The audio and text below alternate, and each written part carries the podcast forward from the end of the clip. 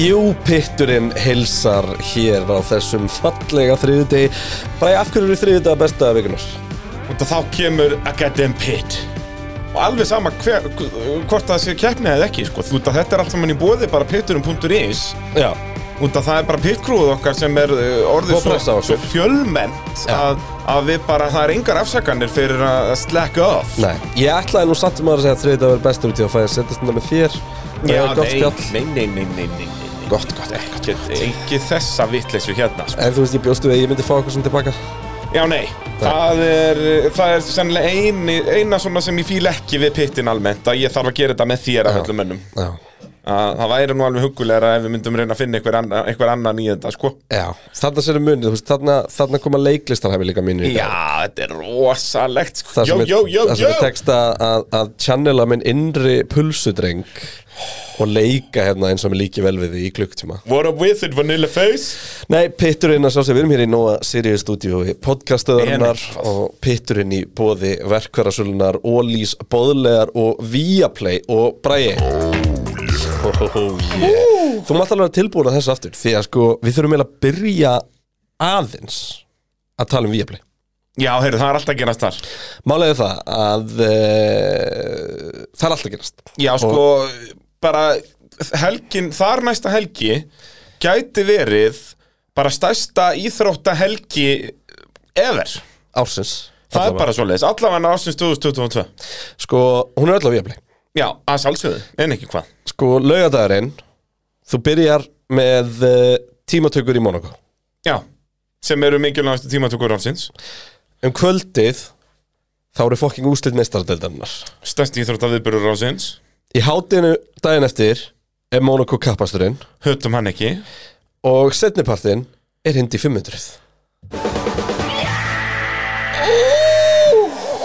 og ef að það var ekki nóg þá er hann annan júni sem er bara hann að beinta eftir Já. þá er fyrsti leikur Íslands í uh, Nations League Já, bara íslenska kallalansins Íslenska kallinslandsins Það er svoleiðis í, í- í knattleik Hérna í Töfrasparki. Nations League Það er þarna það sem við vorum ekki eftir erfiðum um liðum síðast Já, við erum ekki mikið erfiður liður Já, núna er það ekki, út af við skiptum okkur Já. þá og núna er þetta allt vinnable leikir Já, Hvaða lönd erum við að vinna með þarna Eh, sem við erum við að byrjum keppa að, við? sko, það er náttúrulega reyðin okkar minkaði smá Þegar það svoleiðis. var átt að spila á möndir Rúslandi Já, hvað er þetta þá bara þryggjalega riðið illa?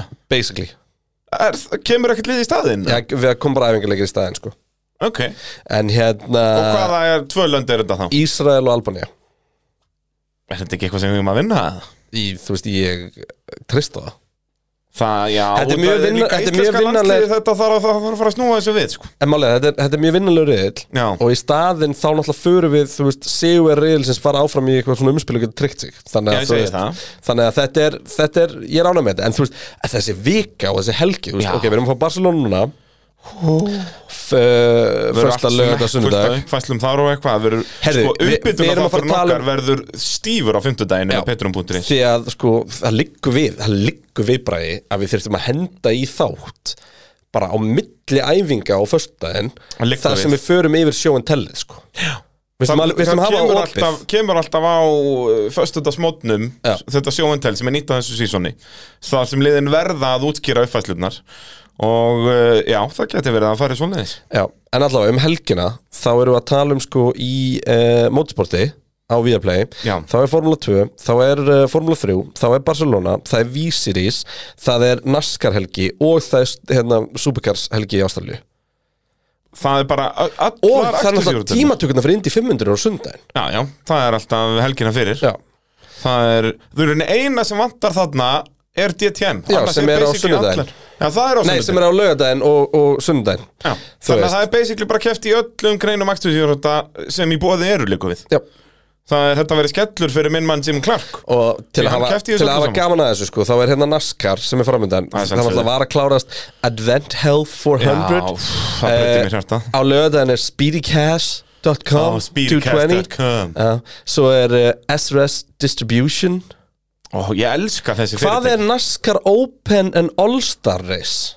Þá er það gömlur, uh, gamlar kempur að keppa Í alveg? Já, já, þeir kunnalega að gera sjóðarna, sko Það var bara fengin, uh, þú veist, uh, gömlu hetjurnar Bara allir Jimmy Johnson mætti ekki, hann var í honum líkt Ef, hann, Ætli- ef það ok. er ekki indikar Ætli okkar maður Willie T. Ribbs veri Það var reyndar væri óskandi sko. geggjað. Það var rosalegt Þá er ég komin á ribs-vagnin Já, en þetta er agalegt sko, minn maður Chase Elliott uh, en það er bara tveimur ringjum á eftir síðustu En vinna hann er búin að kvalifæða það ekki? Jú, já, hann er búin það að vinna, skiptir ekki það máli. skiptir nákvæmlega yngum máli sko, þú veist, það er, eh, nú get ég hægt að fylgjast með, minn maður er komin í play En minn maður Bebba Wallace Hann var eh, ágætur framann af, en ég held að hann endaði nú bara En er hann búin að kvalifæða? Nei, Já þannig að það er ennþá Það er ennþá eitthvað fyrir mig að Já, horfa á þú hana. þarft að horfa, sko, hann á eftir að vinna Það var nýr ökumæður núna sem kvölufaði sem er slæmar fréttir fyrir Bubba Wallace Það var, Já, eh, Er Kurt hámark Busch. eða? Nei, bara ef þú vinnur kefni Já. Og svo er þetta, og restin er sko fyrir eftir stegum Já, En svo ertu líka að safna stegum, skilur Það er betra að vera í topp 5 einmitt Þannig að þetta er Einmitt. dásamlegt Svo er UFC um helgina og ég veit ekki hvað UFC Það, veist, líka, það, það er guð minn svo mikið góður. að gerast Og málið er það, út í þetta er svo mikið Já. Og fólk, það er ekki allir múin að fatta Þótt að við veitum að pitkrúi sjálf búið að fatta uh, Þá ætlum við að gefa uh, Fimm svona bara, Mikið, Mm, hvað við bara erum áskriftir Oh. Og hérna og Þannig að þú veist, þú ert að tala um Þú, þú skráði núna og þú ert að fara að fá þetta allt saman Já uh, plus, þú veist, Nations League plus Champions League, plus uh, Og bara UFC. s- s- streymisveitan, skilur Það er svolítið smekkvöld af bíómyndum og þáttum ég er nefnilega alltaf sofandi á því sko Með allt niður í þig, sko Þannig að sko, það sem okkur myndi langa til að heyra er bara, þú veist, þið megið taka þátt, þið- bara kommenta undir þáttapóstin á Facebook sem er komin út Já, og bara, þú veist, ef þetta er fyrir vinn, takkið vinnin og segja honum, þú veist, herru, drullastlóður og já, ég formálina með segi mér. það Þetta er, eh, ef að þú ert með svona vin sem þú ert alltaf að tala um formúluna við Já. En hann er svona, eh, hm, eh, er, kann- er kannski búin að horfa á hálfa keppni eða eitthvað Og Mhm. þú sjálfur ert með Viaplay Takkaðu þá eitthvað félag og segðu, rífðu þig í gang Já, eða einhverju vinkuru, það er- er lárið mikilværa þar því Já, að þú veist, 100%. formálin er að vaksa svo mikið á kvennþjóðinni sko. Já, þetta er bara dásamlegt, það er það sem þetta er Allavega um, og, og sko og það sem okkur myndi langa til að heyra er bara, þú veist, annarkvæmt, hvað annað ætlar að horfa á þessum tíma heldur um formúluna eða einhvern þátt eða bíómynd sem að við erum ekki búin að spotta Já, nákvæmlega, já, a- a- a- skrif eitthvað svona sniðugt svona, ég ætla að fara að horfa á þetta hérna Ef ekki draga út fimm á föstudaginn Já, bara hvað, mill efinga, eftir bara efingu einhvern tímann tvö þar, þú veist Bara á fös, sendum við á, á sigurverðina kóða þannig að hérna já, þetta við græjum það bara Já, þetta er nefnilega alveg indislegt hvað það er mikið Ég hef líka svo gaman, mér er svo gaman að horfa á íþróttir í beinni Já. Ég er mér sæðans búin að horfa á eitthvað hokki og eitthvað Já, ertu dottinn í það það Nei, ég nefnilega er ekki alltaf- dottin í það, en það er cool íþrótt sko Já, alltaf þegar maður ítir á íþróttir Það er alltaf allavega svona tveir læg viðbyrður í gangi Alveg sama þó að sé bara klukkan fjögur um nótt á þriðudegi Jep. Það er, þetta er bara Ég elska þetta svo mikið Já. Ó, þetta er svo indislegt Jep, Heyrðu, síðan lendi ég nú bara í Ég hef aldrei lent í öðru eins, Kristján býtu Aldrei uh, B-hundurinn uh, skellti sér á Base Hunter Á Fös eins og Já. maður gerir Með unga fólkinu Já, og þar bara ég, mér leið, ég var sennilega stærra celebrity þarna heldur nöytið fokkin blöð þetta var rosalett maður mætti það sjálfsögðu í stillimyndajankafötunum grótharður já, og það er bara, ég, ég var náði ekkert að vera með félögum mínum ég var bara með félögum mínum bara pitkrúan eða alveg niður það er svo leiðis, Ég er nefnilega sko, ég vissi að hún myndi segja þetta Veist það er af hverju ég svoleiðis. vissi að ég myndi segja þetta? var svolítið verið að bögga þig Það eða? var svolítið verið að senda myndir Já. á mig af þér og einhverjum og spyrja, hvað er þú? Já, það, Eitthvað. það, það var alls ekki ég sem var að hvetja fólk til að gera þetta, alls ekki, alls ekki halda það Kristján Ok. ég, mynd, ég myndi ekki gera En býtu, það af hverju þetta hveti fólk til sem er Alls- svona alls leiðist að ekki. hitta mig? Alls ekki halda að ég hafi haft eitthvað með þetta að gera En Ég hef af einhvern hverju, tímann af sagt hverju að- þetta hvetja fólk til þess ef það er svona Ha. leiðist að hitta mig? Þetta er eitthvað svona, hei, þú ættir að Nei, vera það þetta er- eitthvað Þetta er einhver miskilningur, þetta var alls ekki, alls ekki ég Alls og, ekki þú. og þetta var alls ekki heldur þannig að ég hitti eitthvað fólk og það var ég sem sagði hei, ég ekki að taka selfie Alls ekki svo leiðis Það var alls ekki svo leiðis, þetta var allt fólk sem að, kom skrýðandi til mín alveg hreint Og þarna, þú veist, það voru legend Hjálmar Jón kom, hann er að geta um legend, mögum alls ekki gleyma því sko Svo var Jóhann Bergur aðna Ég heyrði líka að það væri verið að ræða- Friðrik Páll, bara bing bara Býtu, bum þú ert bara með fullt af nöfnum Já, ég- Skrifa þetta hjá þér þetta, þetta er fólkið sem að ég, ég lofaði að gefa sjárat Af myndunum að dæma, þá Já. varst ekki í ástandi til að muni þetta En þegar Já. varstu sérst í ástandi til að vera bara með stílabókina og Ég kom með skrifa stílabók, ég kom með að fjóra bara Menn er að jakkanum. segja að hann hafi verið í hérna Í brjóstvasanum brjóstvasanum. Nei, ég var komið með rós þar undir lokkvöld Ég man ekki hvernig ég fekk hana, en það var krútlega En hún var bara í innri, þetta var að fjórir bók sko. Þannig ég kom, kom henni ekki í, þetta var alveg alvöru sko, og, og svo skrifaði ég bara niður nöfnin Já. Og ég náði að skrifa nefnilega niður alveg heyra blaðsíðu um til dæmis okkar allra besta frikka Því að hann er að fara, ég held að hann fljúi út til Spánar bara núna á fimm Já, Þannig ef ég uh, var að íhuga það hvort að við getum ekki reynd að heyri honum á Instagram í uppbytunum okkur fyrir hann hljóðum tímatúk bara frábæla Fá stemming á brautinni Treysta á að fá mynd af pitshúu eða peysu Já, eitthvað á hann var stúkunni. með pizza hana Held ég, nei það var einhver annar sem var með pitsu er- Þannig að þegar við ríkjum í frikka Já. á Instagram á Hann er föstudaginn ekkert kannast við þetta sko. Nei, þá verður, hann, þá verður þú bara, já, alveg, það var þessi Já, já, það verður svo leiðis e Eða ekki, það verður f- kannski frek Ég hitti hann sko eftir tónleikana Þannig að hann var brallin ekki í, í, í alveg full FM ég Nei, nei, viðurkenni nei, það. nei, nei. En þetta var bara, þetta var himnest sko Þannig að við ætlum að Þetta heyra er í- djúsins partí, maður Já, heldur betur, ég hef aldrei séð lögatarsöllina jafn ógæðislega eftir nokkuð ívent Ógeðslega essin þá bara dögt fólk út um allt eða ógeðslega essin Nei, bara, svona, það var rock solid 1,5 cm af bjór Alveg sama hvar þú steikst Á, Það er bara, þetta var himnest að Þannig að það fylgjast með er þessu. ekkert harpegs fyrir næsta handbóltaleg Nei, ekki neitt, sko, síðan var svo fyndið að hérna, skjáskotsmenn voru þarna í beitn útsendingu og lögða þetta smotni Já og þeir höfðu aldrei síðan aðeins, það var verið að smúla bara allt bara handbóltavellin, það var bara uh, hérna, slökkvillisbíll eitthvað bara, Já, og það var að Smúla negl, alltaf byrju, allt. voru þeir í útsendingan á lögðarsmóndi, var ekki verið að neglu upp talningaskristofaðan í bönni framhaldi, eða? jú, Eða jú, það tal- var eitthvað beint í kringum það skilur Nú, ok. eitthvað svona kostninga-repisinn eitthvað Kostninga Já, rapism repisinn and Travisinn and Burger Rapism in Ah, the Kostningers Það er svolítið Fórst að svoleiðis. kjósa? Nei, Af hverju ekki? heyrðu, ég var mjög peppaður þegar ég fekk kostningarétt á sínum tíma Já bara, heyrðu, litla Veslan getur loksins farið að kjósa og kaus eins og enginn var í morgundagur en hann alveg í einhver sex ára eða eitthvað Já. og alltaf var ég abspektur með það sem ég kaus var búin að fara allan hringin fara úr, úr extreme left í extreme right og það skipti aldrei nokkur einasta máli Svona er lífið Þannig að þú, ert, þú, þú skerð alltaf vel, þú tekur extreme left og extreme right, það er alltaf on the apex þetta er bara Ég meina, við að vitum að hljóma miðjan eins og er ekki hálfviti, hraðasta línan, sko. En ég meina, hvað erum við að tala um skilur og hvað kaust þú í, í síðustu kostningum, af hverju kaustu það? Núna, Nei, nei, þar síðustu, eða skilur þar síðustu Já, hvað kaustu það Sko, og af hverju ég- gerður það og, og, og stóðst uh, fólki þar við við allt sitt og voru frábær uh, Hún kaustu það sama fólk núna og þau eru ennþá svo frábær uh, Já, nákvæmlega, frábært að kjósa Nei, í síðustu fjórum kostningum er ég búin að kjósa þrjá mismunandi flokka Já, og þeir eru allir búin að lofa sínu eða ekki, þess vegna skiptur og alltaf standa allir við sitt Já, þetta er, þetta er mjög mikilvægt að kjósa En ég, sko, málið það, ég er hægri maður í mér Já, ég er enda samanlegaður þar, ég er, ég, ég er grótarur hægri Svona íslenskt hægri þar að segja Ég er svona, Já, sem er já, svona ég er ekkert ég er svona, í- ég er svona tækifæris hægri maður Þá meina ég sko, Ég er engin Adolf nei, veist, ég vil fá Ég vil fá uh, fría helbriðstjónustu sem er frábær Já. Og allt sem borgar fyrir mig En ég vil samt fá að geta grætt alla peningana og allt þannig og Já. stofna þau fyrirtæki sem ég vil Dolly frænda hefði verið flottur Ég með það var bara, já, hvernig Það það er sko Adolf Hitler, hann er gæti verið besta manneskja í heimi Nei, ekki fara hann Já, ég segja þér af hverju Akkur Undan því að hann drap vestu manneskju í heimi, Adolf Hitler Þetta er, þetta er svo lélegt Sko, ég bara horfa Bragi, á þetta er ákvæður svo Já, glasi Adolf Hitler. Þú ert síðasti maður þar sem að glasi er hálffullt Sko, við slum ekki Ekki reyna þetta Hann drap Adolf Hitler Oh my Hvernig fannst þér þessi? God. Ding, ding, ding, ding, ding Nei, þetta á ekki Jú, skilið þetta var frábært Oh my brandari god, nei Þetta var ekta Það hefur ekki, það hefur ekki komið góðu brandari síðan sjáðu mamma engar hend Jú, reynda bókusafsbrandari var góður. Bókasafsvarandaren var rock solid Hann var rock solid Það var, eh, ég geti þurft að fara að eh, leita á internetuna að öðrum brandara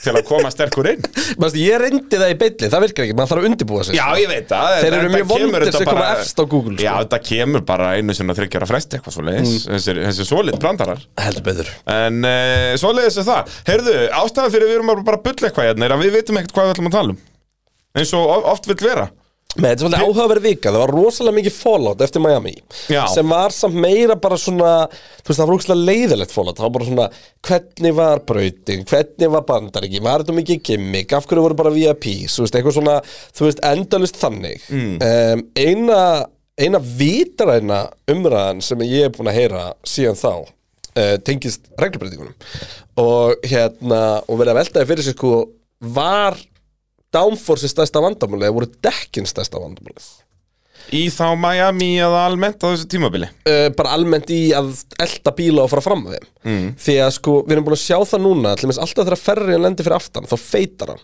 Já, og það er ofhittun á framdækjum Já bara eins og gerðist alltaf í uh, síðust ár Já. þannig að Með alla spurningin bíla. var þarna sko þú veist þurfa dekkin að vera þú veist lífandi og ég heyrði ógeðslega áhuga að vera tillu Ok, við erum að tala mikið um aktiv stöf já af hverju ekki aktiv loftþristingur Í dekkjum? Já. það sem að þú getur bara fyrirframstilt ég vil bara að dekki minn séu alltaf bara 20 pund, Já. skilur og þá er bara ventil sem að bæði getur hleyft inn og út í felgunni sem að heldur þeim bara alltaf í þessu Í réttu uh, condition já, því að þú veist, það er svo, það er svo erfitt að það sé alltaf verið að nörfa bílinn sem er fyrir aftan Já, já Þú veist, og auðvitað gerist það, þú veist, þú með aðeins minna grip þá þetta reyna aðeins meira á dekkin undirstýra aðeins meira eða eitthvað þannlega að þú hitnaði mér finnst það briljant hugmynd, Já Út af þetta er ekkit, uh, ekkit vesen þannig séð nei? Maður græða þetta Ég veist, eh, nei? en, en þetta er sem sagt ennþá bara vandamálið sem að þeir ætlu að reyna að leysa að þú gætir eld og eld og eld og án þess að en dekkin splundra já, sko, þá náttúrulega var að elda og þú veist, þú bara gast ekki eld í gegnum beigur og því að það var sko, bara þú ekki grip og ef þú varst mikið mikið hraðari að þá gastu eld í þrjáringi og þá var Já. dekkin búin en ég meina að þú veist, sjáðu bara sjáðu Miami, Leclerc að tekja rönni nokkra ringi beintið til öryggisbílinn Já. versta með hann búin að pakkunum fram að því Já. mér finnst það bara, mér finnst það mjög góð pæling Þetta er áhugaverður uh, punktur en ég var ekki flest allt uh, tildulega jákvætt með Miami eða? jú, mér finnst, m- sko, mér finnst óttalegt væl þú veist, það er alltaf pjúristar Já, auðvitað og Auðvitað. pjúristar hata svona þeir vilja bara fara á Silveston gömlu Já, og bara Gera spá hana.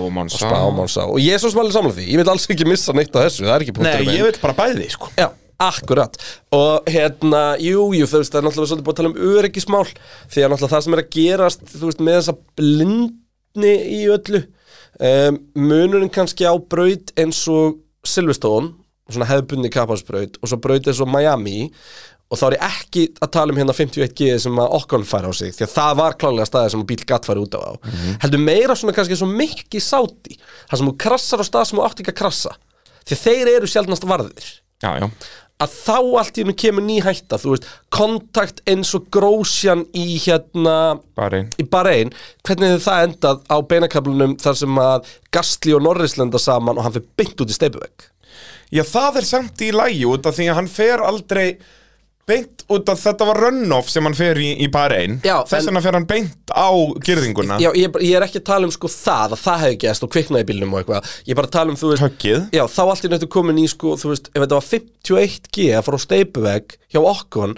hvað, ve- hvað er það á 280 en ekki Það bara 140 fer- Sennilega ekki svo mikið vegna þess að þú Ég er með Sko, það- markföldun einhvern veginn þegar Nei, þú veist út að þú stoppar aldrei Skilur, það, þegar þú bombar, að, það fara allir í klessu Já, Vissulega þú, bomba er út þú í lendir vekkir á einhverju slætar áfram Já, þú slætar alltaf áfram sko. Já, Þannig að algjörlega. þetta er ekki eins og með Grósjan þegar hann bara fer frá 240 nýri 0 Og bara á grefst. bara, kannski, hvað, einum og hálfum metri í gegnum gyrðinguna Þannig ertu bara skoppandi meðfram ykkur vekkjum Vissulega ekki ideal að hafa En steipuveikið hvernig var höggi 51G? Ég er ennþá að reyna að ná hausnum minni í kringu þetta, þetta var alveg svona hliðarhögg Það Já, var en af hverju gæti það ekki verið alveg hliðarhögg á störluðum hraða?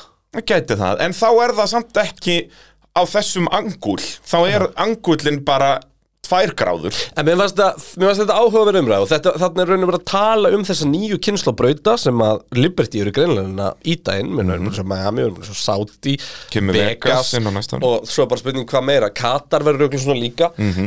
og það er alltaf miklu meira hraði. Þú veist, þetta var aldrei vandamál því að þú ert alltaf svo hægt í Monaco, skilju.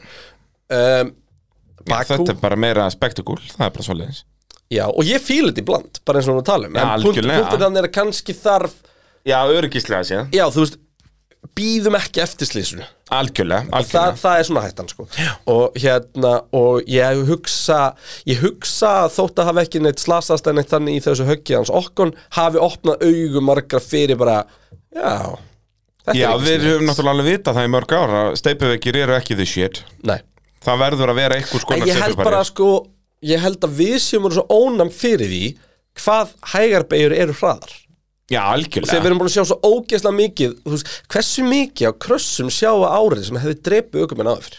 Við erum mjög mikið og við, og við bara- spáum ekki því Nei, nei, eins og núna um helgina var hérna historic uh, Formule 1-dæmið í Monaco Herra, við þurfum að aðstala það Við þurfum að tala um það, við neglum því enn á eftir En þá bara að horfa á þá bíla Og bara krössin sem við segjum í dag, það var allir stinduður Það er bara svo leiðis En eh, eigum við að tala um okkar allra besta uh, Kalla litlalega glerk Þetta er mæfin til múlingindum Elsku Það er kallinn. sko, einhver geti sagt sko, heyrðu, þú getur ekki dottið fjórisunum út úr monokakapastunum þegar þú ert bara búin að keppi honum þrísásinu Mon, eh, Þá segir Charles Leclerc, halda bjórnum mínu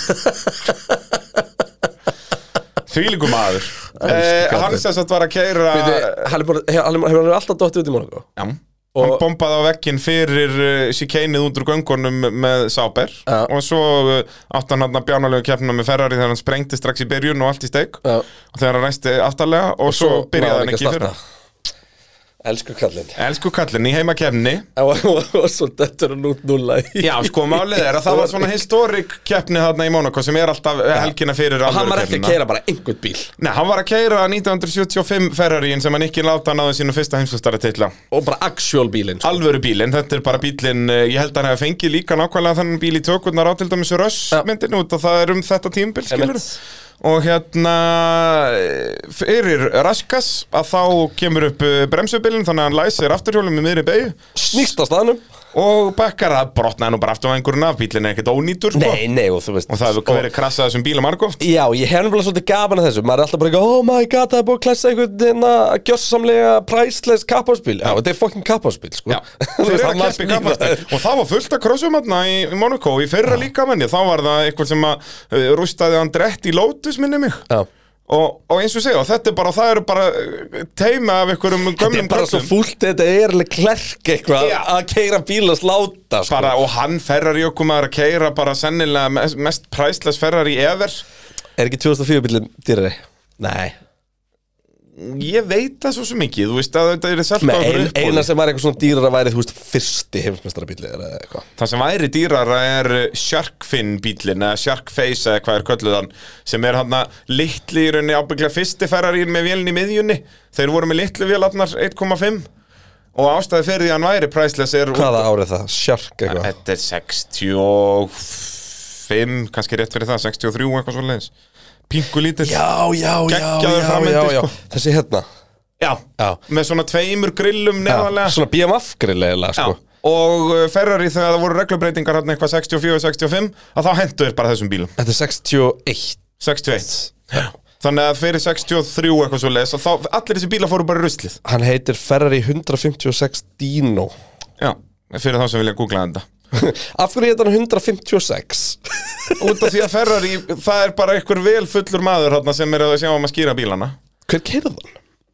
Er þetta ekki Sörtis mistara bíl? Jó, mér sýnist hann umlega sko Já, Sörtis verður mistara 61 Þannig að, að Notable drivers Phil Hill, Wolfgang von Trips, Richie Ginther, Willy Marais, Giancarlo Baghetti, Ricardo Rodriguez, Lorenzo Bandini, Ludovico Scarfiotti já, Bandini og sannlega deyri John þessum bíl Surtees Já, hann var Já, svo kemur hann, hann sest, er Sjarknós þetta fyrst uh, sem er þá 61 þegar Surtees verður þá heimsmeistari Já. er það ekki?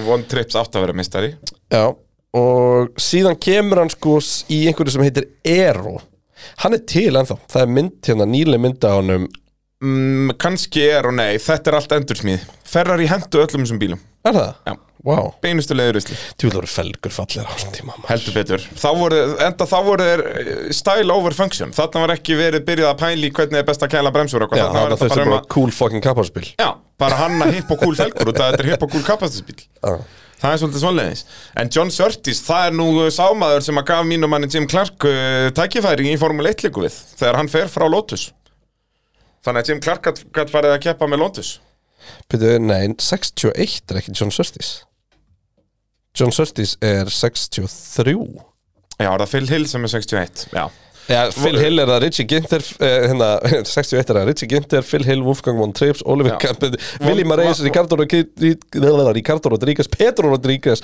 og Já, Gian- báðir. Giancarlo Baghetti Það er geggjala Báðir Rodríguez-bræðirnir sem að brautinu Mexiko er nefnd eftir var hann á þeim En Phil Hill, segja sérst, von Trips átt að vera mistari 61 En Deir á Monsa, þannig að Phil Hill tekur titil Já, það var Phil Hill sem var 61 mestari Já, hann verði mestari hann Surtees 64, Það er rétt, það er svolítið svoleiðis það er rétt Og hérna, ári eftir, Sörtis er á milli Jim Clark árana Það bilaði allt hjá Jim Clark hann 64 Þannig að hann hafði ekki verið mistari Ég sko, hver er þinn upp álsökumar allra tíma? Ég veit það ekki Auðvitað veistu það ekki, þú getur aldrei svarað þessum skemmtilegu spurningum Þú ert alveg agalegur Sko, Hentu, geðu mér, hendi í fimm nöfn sko sá sem að ég hef upplifað svona sterkustu tilfinningarnar í kringum Já uh, var öruglega eh, fyrsti Red Bull Fettel titillin Ok og það var bara, þú veist, það var svo current og Þú búin að Carlin kera Boy og bílinn eitthvað, já. hans og, Þetta var svo nálægt með það sko Já. Ehm, og þú náttúrulega bara uh, on the Svo climb tengi ég rosalega stert við hakkinin Já, um, okkar mann Já Þá er þú náttúrulega líka á besta aldri í þessu sko Hvað ertu, Já. 10 ára, 11 Já, já, já Ert svona farin að skilja Nei, þetta alveg bara- sko En, en, en Hvað er ekki, ennþá er ekki krakki. 98, 99? Já Ég er sko 9 og 10 ára Já.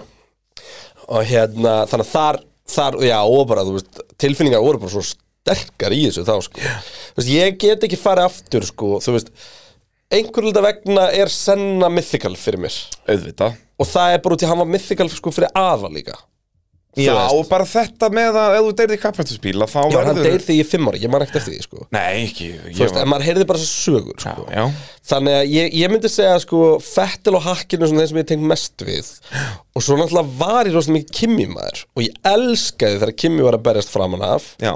Þannig að þetta var sko, þú veist Svona fyrir utan Fettel hann 2011 Eða 2010 minna ég Að þá einhvern veginn var þetta svo rosalega mikið Sko ég var búin að vera að flakka á milli Þú veist, 2007 held ég með Hamilton Ekki Kimi Kimi verið meistari 2007 Já, hjá Ferri um.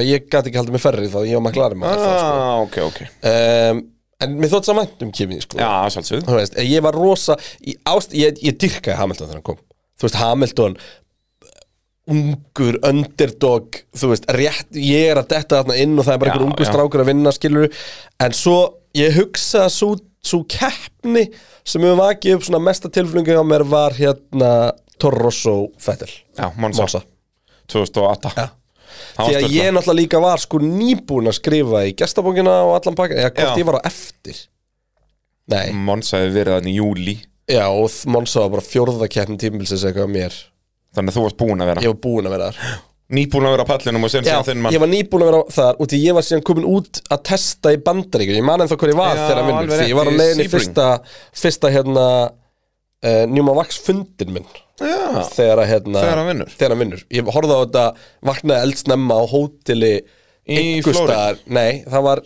einhvers staðar Nei, ég voru á sponsfundið þegar upp í Seattle Og svo fór og ég já, niður til henni Sebring ströndinni bara já, Ég það svo var- fór ég niður til Sebring og kerði með Var það beint flug, Reykjavík, Seattle? Það er tjóðis lengt Ég maður það ekki Það eru nýju tíma Nei, ég var svo mikið í Nei, bandaríkjunum átta eða maður. eitthvað. Ég var bara eitthvað að flakka á milli innanlands í bandaríkjunum Já, alveg nagli En hérna, en, já, alveg rétt Á einhverju, ég var á einhverju svona sem að var sem í mótel bara þú veist, Já, og þú, en það var sjónvarparna eða þurftur að streymi sig það var, það var í sjónu það var bara Fox Sports Já, já, akkurat endalust af auðlýsingum Já En þá var þetta alltaf í gluggar niður í hæra hóðinu Og ég fóru meina þessi side by keppni side. var ekki skemmtileg sko. Nei, En þetta er drepleg ég, keppni. ég var með púlsinn í 200 allan tíma sko. Já. Því þetta átti náttúrulega ekki að geta gæst sko. Nei, nei, þú veist, hann byrjar að nára áspól og heldur honum síðan bara á Toro Rosso bíl Þú sko. veist, Við vorum ekki búin að sjá líka bara uppsett í formúlinni bara forever sko. já. já, ekki svona uppsett, skiluru Þú veist, þetta voru alltaf bara Nei, þú veist- maklarna ferðar í að berjast BMF náði ekki sigri sko. Ég segi Þú það. veist. Þannig að, að, já, þú ert eh, á Fettel, Hakkinen Jú, BMF og náði Sennavagninum sigri 2008 með Kupagefa ekki Jú, er það ekki Kanada? Kupika tekur uh, Er ekki Kanda 2008? Nei, var það ekki krassið, var það ekki, eða hvað var krassið 2007? Krassi var 2007 Þeir ná allavega einum sér, eða Kúbika náttúrulega leiti mótið framann af, sko, á þessum bíðan var. Tjúvill að Kupega góðum maður Hann var bara alltaf á velunapalli, hann var eins og Hamilton 2007, hann var bara Samt alltaf á eiginlega palli. ekki á bíl sem gat unnið sko. Nei, hann var ekki, þú veist, hann var að skilja Nick Heidfeld eftir Rikinu, var hann ekki linsfélagin eins og það? Kúbika, Váka Nick Heitfeld er svona legendary number two maður já, já. Það er þeir þjóðverðarnir, hann og Hulkenberg eru bara svona, þeir voru í geðvægt mörg ár, en voru bara með. Já, Glock var næst í svipaður Mér finnst Nick Heidfeld eiginlega sko frægari bara fyrir krassið í fyrsta formule E-kappaktunum. Þá líka Það bjánlegasta var legendir í shit. dæmi, sko. Þá bjánlegasta krassi mér shit fyrir sko. loka beiguna og bara, var þetta ekki hann og Prost? Minna það? Jú, Prost Junior, já, Já, jú. Nikolas Prost, Já, heitir hann það ekki? Nikola Prost Nikola Prost? En hérna Vá, Nick Heitfeld Það er svona gæði sem við ætlum að fá í pittin Já, það, hann er konungur meðal mennskunar, það er bara Við svona. værum alltaf bara Já, ok, Þú ert flottur. og hvað svo, fórstu hérna Já, Ég já segja þetta, ég meina, hann er að hlusta, ég veit það. Já, hann má líka bara vita, hann var með Hann er með Hann er konungur með sinns. Ég heldur að ættum að breyta með í Heitfeld Já, hann er, hver eru fleiri með? Í gegnum tíðina Já. Hver er, sem að keftu lengi, lengi, lengi? Sútil Eitt, nei, út af því að hann var alltaf slúður og þú veist, hann fór Já. í fangelsi og eitthvað skilur sko, það er, Glock var með Já, en hann er samt svona einhver Hann var karakter, samt hann fór að vinna sem skemmtilegur, sko. barþjófn og eitthvað Já. skilur Hver er mest með? Einhver sem er bara svona, þú veist, þjóðverðarnir eru náttúrulega alltaf sterkir í þessu að vera með út af því að það er everything straight and to the point Þannig að þú veist, þetta er mjög svona, það er ekki sterkir karakterar sko. Stoffel van Dorn var með En hann var ekki, þú Já, veist, en með hennar hann var of lengi, lítið, sko. já, hann var bara, og hún var pakkað, skilur Þannig að náði ekki að verða með Er ekki massa með?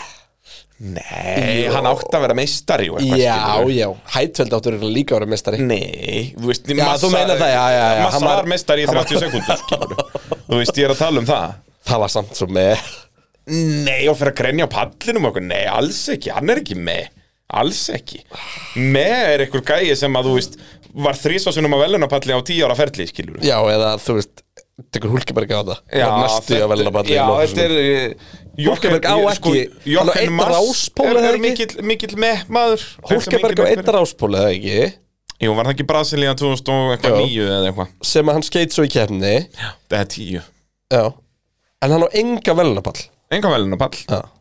og hérna, já, ég, Jochen Mass eh, er gott með, Kleira Gassoni þetta eru tvö góð með frá því í gamla daga, sko uh, en svona nýrra er, er þekki ekki ég það satt með all, hérna, er ekki m- stærsta með Parabolical, hvað heitir hann? Æ, eh, al, al, Albor- eh, Alboreto Var það Alboreto? Já, já, hérna annars sem við höfum hugmyndum hvernig hann var eða hver hann var þá bara Já. þegar við skoðum ferilinn þá var hann bara með já. Hvað, hann á einn eða tvo sigra í formúli, nei, hann náði hátt í tíu sigrum í formúli 1 á tíu árum eða eitthvað Já.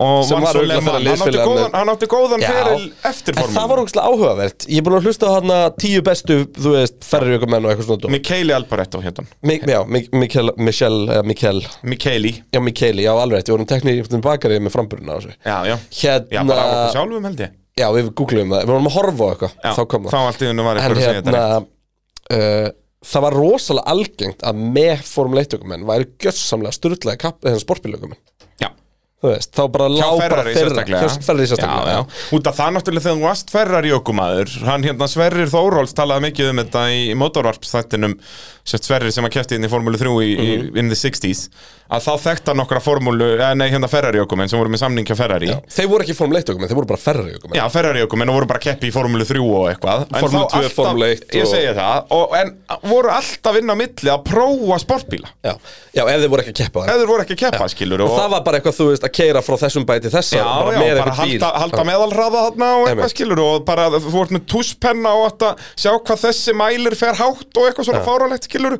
ekkert að tengja bara laptopið við þetta Nei. þannig að það sem ferrar í okkur maður varst alltaf að keira sportbíla þannig að skiljanlega eftir ferilinn urðu þeir yfirleitt mjög góður sportbíla ökumenn Já. Talandi um svona testdót Ég hérna, ég var að horfa á Eurovision um helgina Ú. Og maður þarna postkortin sem kom alltaf undan Já, Eitt af þeim var drónaskot yfir fíatbrautina sem er ón á þakinu á húsinu Hefur aldrei séð það? nei, Þeir smíðuðu testbraut ón á þakinu á vestmiðinni það er endur alvöru negla Það er, það er magna dæmi sko Það er Bank, geggjað. Bankbraut sko, Og hann á það upp á þakki upp á þaki Hefur aldrei séð þetta? Ég hef aldrei séð þetta Þetta er geðveikt sko, þetta er hérna Fiat Chrysler, ég mælu með að googla þetta þetta er Já, hérna þetta er hérna bara, Þetta var bara ég, veit ekki, Eurovision. ég veit ekki sem hvar Fiat er í Ítalíu sko nei Ekki hugmynd Það sé ekki bara í Detroit Já, Chrysler, maður Það er bara svoleiðis, þetta er bara Chrysler Var þetta samt ekki Fiat sem kefti Chrysler en ekki öfugt? Jú, þú veist, þetta er allt eitt grautur Við töluðum um þetta um daginn hvernig öllu Já, og svo, fyrirtækin eru þeim svo, saman sko. svo hendi ykkur einhvers staðar eitthvað, ég sá það, einhver mynd sem átti eitthvað að tróða sokk upp mig, ég veit ekki alveg hvað það var því að það Nei. syndi bara að það voru allir saman Já, þetta, þetta, þetta eru bara einhver tíu Já, og bílafyrirtæki síðan nefnilega, ég googlaði þess eftir þetta og því, ég, manstu, ég var að tala um hérna með Nissan, Runo og það allt saman Já. og það eru sérst, það eru sérst þrjú mismunandi fyrirtæki en þau eru in an alliance Já. Og Runo er náttúrulega ekki, það var náttúrulega mesti skellurinn sem við gerðum að segja að Runo er partur af Pusio og uh, Citroen Þau eru, í, þau eru í þessu alliance Já, en það, Runo og Pusio er ekki sami hluturinn sko. Ég var tekin á teppin af okkar allra besta binna þar sko.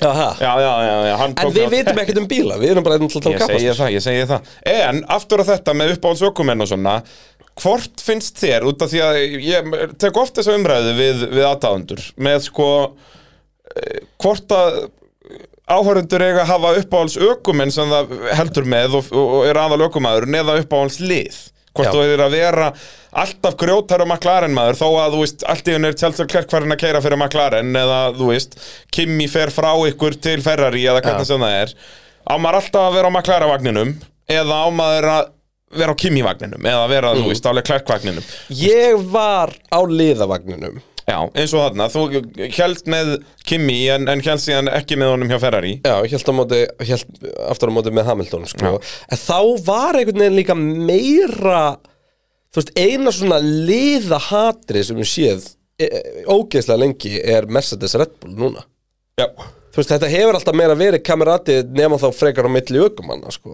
Já, síðan náttúrulega eins og í aldamótin þá var nú alveg Sjón Tóttur og Dennis uh, bífið, sko sem sagt Ferrari Já. McLaren En er það ekki líka bara síðustu liðstjórnir sem voru nægilega stórir sem voru að berjast á móti hverjum örum? Jú, Stóri karakterar. Þangar til að Wolf og Horner mæta. já það Veist, og Og það var líka nógu intense fight, skilur Já.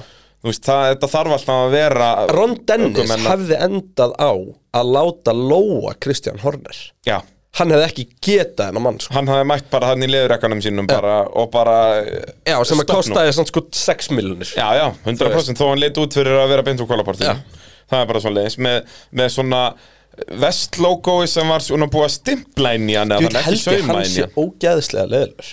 Ron Dennis? Já. Ég ekki ég Þetta er Ég held þessi skemmtilegur. meistari, já Já, kannski. Það, ég hef séð viðtöl við hann bara núna er hann náttúrulega orðin alveg vel gamall kall sko. Mm. Sá eitthvað viðtal, bara klukkutíma viðtal sem að bara einhver háskóli var að taka við hann bara sérst um svona hvernig er að engineering vinna, já, hlutan og eitthvað eitthvað svona, já. og hann var uh, leit út fyrir að vera skemmtilegur með að þetta var klukkutíma samtal um, um verkfræði sko. Já.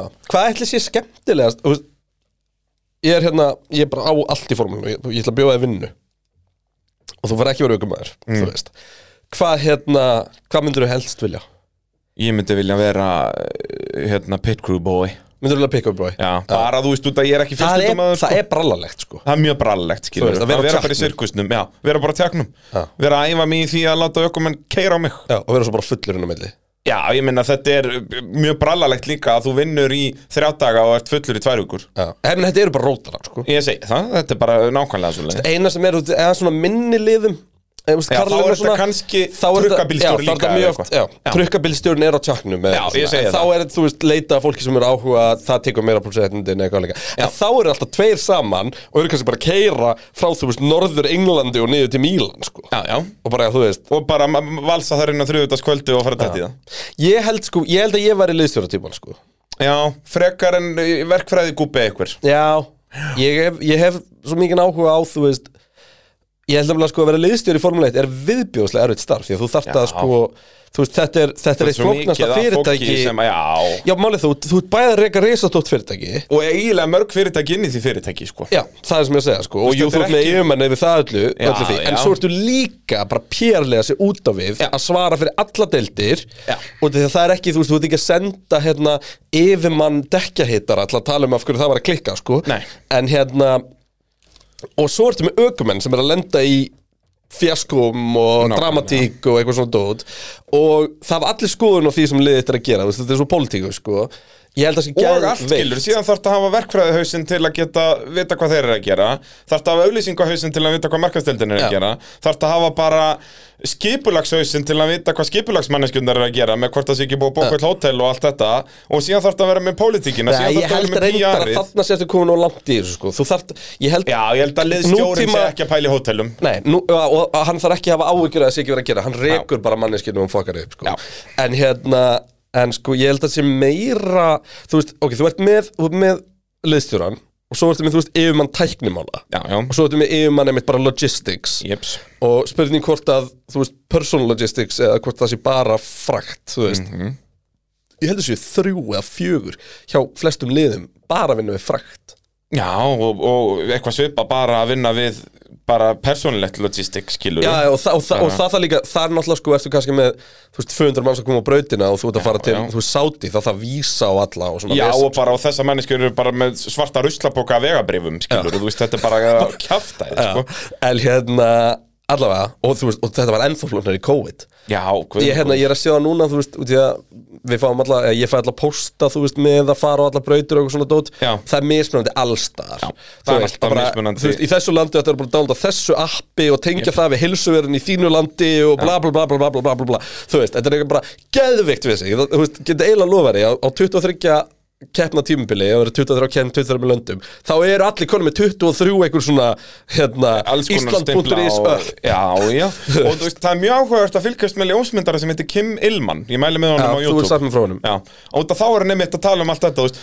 hann er hann að nýjasta vídjón eða vídjón sem ég var að horfa á nýlega þá er hann að plana sísonið bara þú veist, búin að kaupa flest öll flugin og, og bóka flest öll hótel og eitthvað og þá er það oft skilur okkur, heyrðu, hérna eru þrjár vikur milli En ég kemst eiginlega ekki heim til Ástralíu út að þá þarf ég að fara í quarantine og Já. eitthvað Þannig að ég þarf þá bara ok, þá verð ég bara, flýjum bara til Mílan eða eitthvað og bara fyrir að túristast þar Herru, talað um YouTube Þetta er alveg way off topic hérna I like that uh, Ég datt inn á rás um daginn Mér er alltaf hugsað til þín þegar ég horfa á hana Hún heitir sérst Bald and Bankrupt Ó, heyrðu, þú sýndir mér þetta um Það daginn var ég búin að sína þér þetta Bald and Ertu bankrupt Búin að tjekka á þessu What am I good man? Nei, ég er ekki búin að kíka á Þetta þetta er en- geðveikt, Þetta það er er einhver veist svona- að það er nýri Moldófu Já, eða já, ekki það er það sem ég byrja að horfa á Já. Og svo þú veist, hann var í Ukraínu þegar stríðir að byrja Já, og, sko. þetta er uh, mikið legend Hvað Þetta er bretti sem að tala rúsnansku og allt já, og er bara eitthvað að ferðast um, þetta er geðveikt Og hann Já. er bara að ferðast um bara alls konar lönd sem við myndum aldrei fara til Nei Geðveikt, sko En hérna, aftur að liðstjóraumræðinni Þetta er, eins og þú segir, mjög erfitt En þetta er það sem að, að þú myndir hjóli Já, særum ekki fyrir þessum listir á Jú, jú frekar en eitthvað svona egghead, sko Annarkvæmt það eða þá sportingdirektor Já, kannski Já, þú er eiginlega betri þar ég, er samt, þú veist, með, ég, ég, þú veist, ég hef samt þetta rekstra elementi með mér og ég Já. hef viðskipta elementið og ég hef íþrótta elementið Auglýsingar náttúrulega Sko- Og íþrótta ég ég heit ekki sem að sækja um Já, þetta er að fara að stopna lið bara yes, I know very, very good Very much, yes uh, uh, Carsko room and, Yes. uh, formule Carsko Bara bing, room bara boom Eh, það- Það er, það er nákvæmlega svo leiðis tónlistamaður Já, tónlistamaður Auglýsingamaður. og Bara, hvað ertu ekki, Kristján? Segðu, Það er svolítið svo leiðis Hérna, en uh, minn uppáhaldsökumæður Já. Eins og flestir hlustendur vita Pítur leið mér að gíska Nei, ég ætla ekki að gíska að vita allir Það er okkar allar besti Jim Clark Já, já Sem er alveg samt- rétt, við byrjum þessa umræðu því að þú spurði mig hver er uppáhalds aukumæri minn Já. Og hvað eru margar mínútur síðan það var? Það Svona er bara- Sko, 6 klukkutímar Svolít margar mínútur sko En, en mér langar nefnilega aðeins bara að, að kynna fólki fyrir Jim Clark Og hann náttúrulega sko, Varst ekki búin að deyr gera sögu á þetta? 1968 sko Varst ekki búin að gera sögu á þetta? Um Jim Clark Já Þú ætlaði varst ekki búin að segja mig frá okkur þegar hann kom tilbaka og okkur bóndabæ alltaf og barinn Já, það var bara eitthvað random umræðan hjá okkur Við þurfum að fara á hann bar Já, í Skotlandi Já, Hann líka sko þegar hann vinnur titilinn 65 já, Að þá or- orðin bara vinsalasti kappatasökumæður í heimi Þá fer hann bara með- á svona, fær doppeldekkar buss og stendur ofan á henni í þessum litla smábæ í Skotlandi Já. Og bæjastjórinn var með tíminn að ræðu fyrir 30 manns já. Það er mjög Jim Clarklegt Já. Að vera, hann var, hann var Hann var ekki til eitthvað komin hófærari í manni his Wellingtons Já, já, bara og, og, og fannst þetta mjög fyndið og svona var að ætla ég svona, ég ekki, er það að tala um mig, hætti þessu a, a, Hann er náttúrulega bara elst Láttu ekki upp á, á bóndabæ bara með, í, í Skotlandi þannig að, já, hóvarinn var hans slutur, það er ótt að segja það Já, Eh, En áður en að ég ætla að tala meir um Jim Clark og það, það er mjög slíkilatir að pitcrúið þekki Jim Clark sko. Mhm. En þá þurfum við nú að minnast á það að þetta er alltaf manni búið að verkværasölunar ó já Það er svolítið svoleiðis, þar e, mælum við með að fara inn á verkværasalan.is eða, eða vaffs, ekki vaffs Ekki vaffas, nei, Ekki fara inn á Þú vilt vaffs.is það alls ekki Nei, það er, eh, þá endar þetta bara í vitleysu Og uh, nú ætlum ég að tjekka á einu Þú ætlar að tjekka á Nú einu? ætlum ég að tjekka á einu Því að það eru stóra fréttir með verkefnsöluna sko. Já, það er svoleiðis uh, Látum okkur sjá Látum okkur sjá Látum okkur sjá Þetta er, eh, ég elska alltaf gott podcast þegar að Kristján er að googla henni tölvunni Já, ég er sérst að skoða hérna Mér minnir að við höfum nú verið búnir að eh, það, var, það voru að gera samningar Það Já, voru að gera stóri samningar í anda í þáu pitkurusins og ég get sagt ykkur það að það er bara 15% afsláttur á línuna í netverslun ef hún átt að koma pitturinn ha? Já. Ertu að meira? Þannig að ég var til með að skoða hérna Töskusett, pack-out, þrý stykki þ- þrjú, Þrý stykki? Þriggja stykki. Þrý stykki Þrý stykki. Með uh, skúffurekka Þetta er eitthvað geggastöf Ég prófa bara eitthvað Til að sjá hvort að kóðin var ekki örglóðin virkur, Alright. virkur.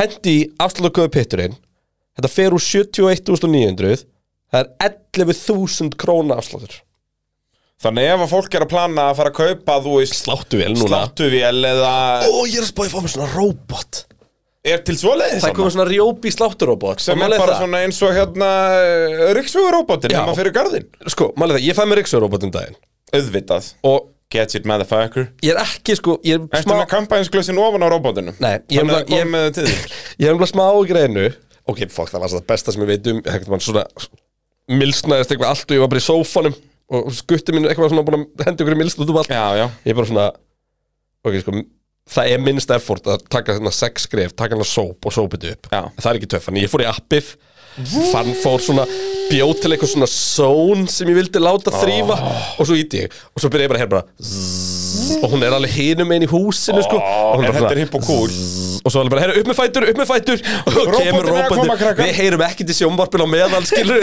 þetta er gett, en sko það kom svona slátturóbot og málið það, ég er ekki búin að ná því í gegn þú veist, ég vil alltaf meina að þegar slátturóbotin er búin, því ég fór kreift nei, hérna Ryksugan, Ríksugan, hann já. skúr líka að ég sé búin að skúra Ríksugan Já, sjálfsögðu Val er ekki sammála Það er náttúrulega ramt hjá henni vel Ég okkar. veit það Já, ég, þú eittir að taka Málið er það, ég, þú veist, það er ekkit spurning um hver slær heima Nei, En ég er nefnilega pæliðinu Þú veist, hversu geðveikt væri Þú veist, þú veist það þegar þú ferð að slá mm. Þá færið alltaf bjóra á eftir ég staðfest skjálfest að þingli Það er líka bara En eitthvað spáðu í hvað er með næs. Þessi graslikt, þá verður bjórum Þess betri vegna er að spá Ég myndi bara, þú er komið á pallinu á mér Já. Og bletturinn er andan fyrir aftan Já. Og þessum hún stíðinur Bara setja stól í stigan Ert með eitt svell volkan Og horfi á róbóttan slá Þú getur ímyndaði betra moment Með eða? 15% afslættin með pitturinn inn á verk Í vefveslun verkværisöluna Veitu, Ég ætla bara að tjekka á þessu Hvað kostar róbóttin? Ég ætla bara að panta hann bara En þetta er þá eða Sláturrobot. núna ef að fólk er að plana að fara annarkvort að smekkvilla skúruna verkværum eða eitthvað þá er þetta að koma besta tíma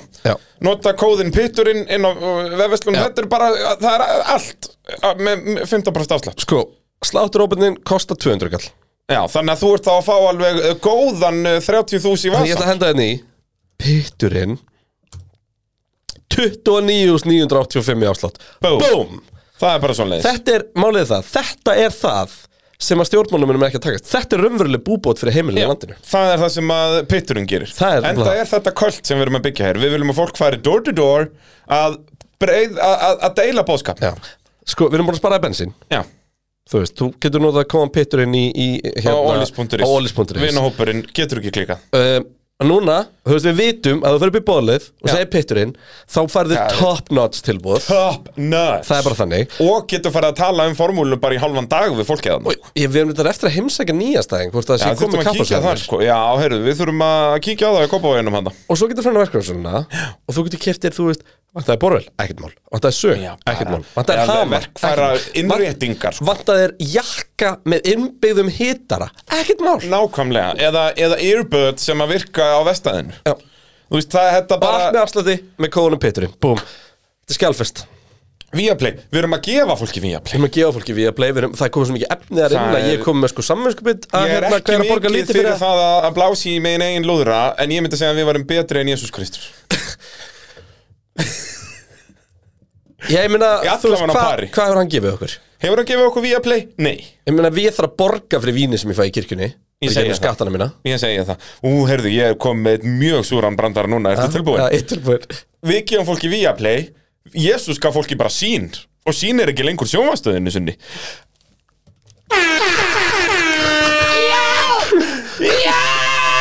Því líku brandara kalla bralli Ding, ding, ding, ding, ding, ding, ding Ég elska líka sko, þetta var svona, þetta var svona svipað og þegar 70 maður finnur að, heyrðu, það er eitthvað að gerast þarna niðri. Já, Þau já. svipurinn sem kom á því var bara, heyrðu, mér datt eitthvað í hug. Þetta er, mér líður svo vel í sálinni Þetta var rock solid maður Heyrðu, Ó. en hvernig tengist þetta allt saman Jim Clark?